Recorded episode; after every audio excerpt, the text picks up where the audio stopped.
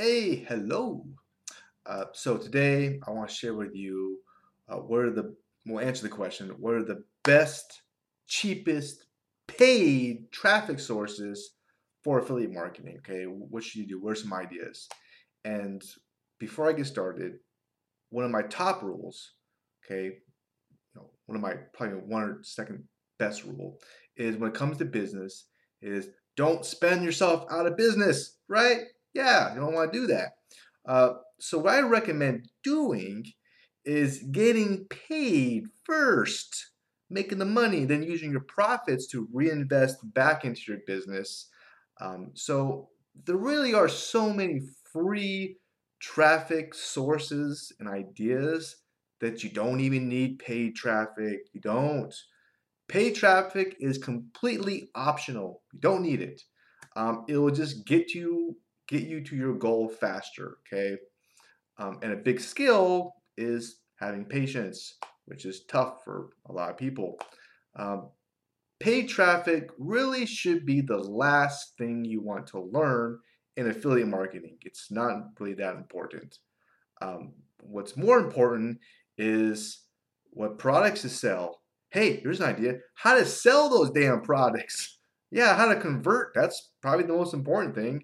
How to create a list, uh, free traffic, getting that going.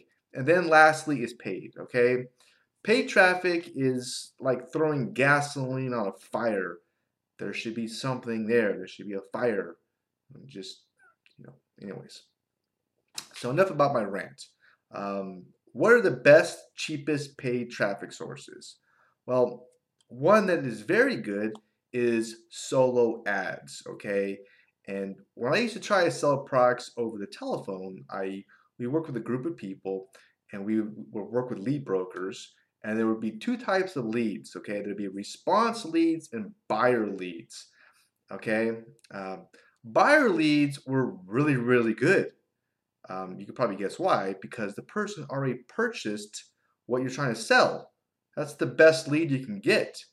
It's like, here's an example. Say you try to sell, you're a shoe salesman, right? You're like, uh, what's that guy from Married with Children? Al Bundy, the shoe salesman. Would you rather sell to somebody, a girl who had like 100 pairs of shoes? Or would you rather sell to a girl that lived on an island and didn't have a pair of shoes? Which would be easier? Yeah, the girl that had a 100 pairs of shoes because she's proven that she, that's what she does. That's we're creatures of habit. You know, it's easier to, she's more likely to buy. The person that doesn't have a pair of shoes, you have to convince them. Well, you know, these shoes could be helpful. The person's like, hell no, I've been, I've been living without shoes for, you know, all my life. I don't need fucking shoes. Go away with your shoes. Don't try to, don't try to push your shoes onto me, mister. Right?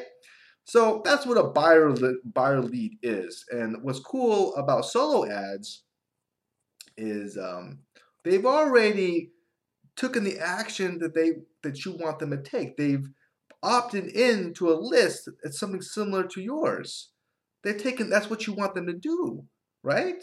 So that's one of the best type of leads you can get because it's already been proven. Okay, uh, those are great leads to to look into uh, if you want to buy leads. Okay, all right.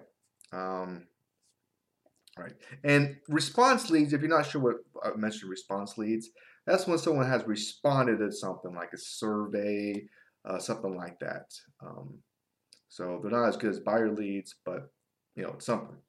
That's what those two work. Okay, but buyer leads is what you want. All right. Uh, that's a great paid traffic source. Um, now, when it comes to the cheapest paid traffic source, if you're going to spend money, it's all about, of course, economics, supply, demand, right? Um, so this means you want to go after traffic sources that nobody is going after, right? Right?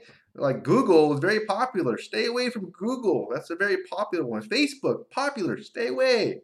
No, don't go pay traffic. Okay. Um, how about the, here's an idea. Uh, Bing ads. Bing. You're like, what the hell is Bing? Well, Bing's a search engine like Google, but nobody uses nobody it's it, you could probably find a better deal on Bing because it's not as popular as Google. So that's one idea to look at if you want a cheap paid traffic source. And of course, um, you want to be as targeted as you can be with Bing. Um, and another idea is you can even target other countries like New Zealand and the UK uh, could save even more money. Um, and one other idea I want to share with you is instead of just you know sending people directly to an opt-in page, you could kind of send them to a YouTube video that you made. That way they can kind of warm up to you and your personality instead of uh, almost like a girl. You know, you want to kind of like go in slow, warm up, right? Same thing. Uh, all right. Um, another very great, uh, uh, well, not very great, but another idea that you can kind of throw out there that can save you money on paid traffic is Outbrain. Okay, you're like, what the hell is Outbrain? Even better, you don't know what it is. Nobody knows what Outbrain is, right? Uh, the reason this can be good is because, well, it's not very, it's not very common, um, and as a content discovery platform. Okay, this means they specialize in putting um, paid links while readers are looking for something else to read. Okay, um, the catch is it can't be a, an advertisement. It can't be a sales pitch. Um, it has to be content that's helpful to somebody. Okay, which is what I like. Um, and if not a lot of advertisers are going after those keywords, then you get paid traffic that's very inexpensive. You know, you know, for pennies. So that's another idea you can experiment with. Um, the third place you might want to look at is content.ad. Now, what's interesting about content.ad is that the website will give you different pricing ranges um, for your campaign depending on if you're promoting what you're promoting. Like if you're promoting an ebook, uh, a guide, a blog article, or something that doesn't promote a product or service, you can get clicks for a few pennies. So that's another great idea that you can check out, okay? So kind of use it to support what you've already done. And one other idea which I'm going to throw out there, which I haven't used, which I should, is something called empire.kred, K-R-E-D, empire.kred. What that is, it's kind of like a social site where everyone shares each other's stuff and helps each other out. That's another idea that you can use too.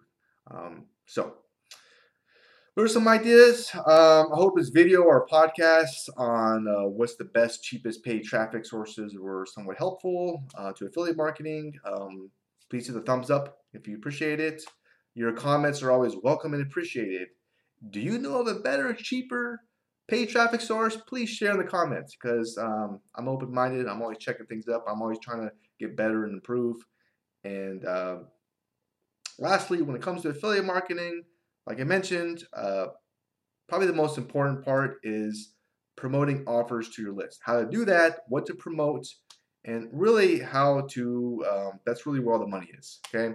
And there's really, really only one person I recommend uh, to learn how to do this because, uh, well, I know he's good and he helped me out a lot. He's been doing it for 20 years, yada, yada, yada. Uh, if you want to know who this person is, you want to be open-minded, uh, just go ahead and click that uh, link below or check out my website at trustthelink.com. You can trust the link, right? Okay, so um, hey, have a great rest of your day, okay? Uh, take care and uh, bye for now.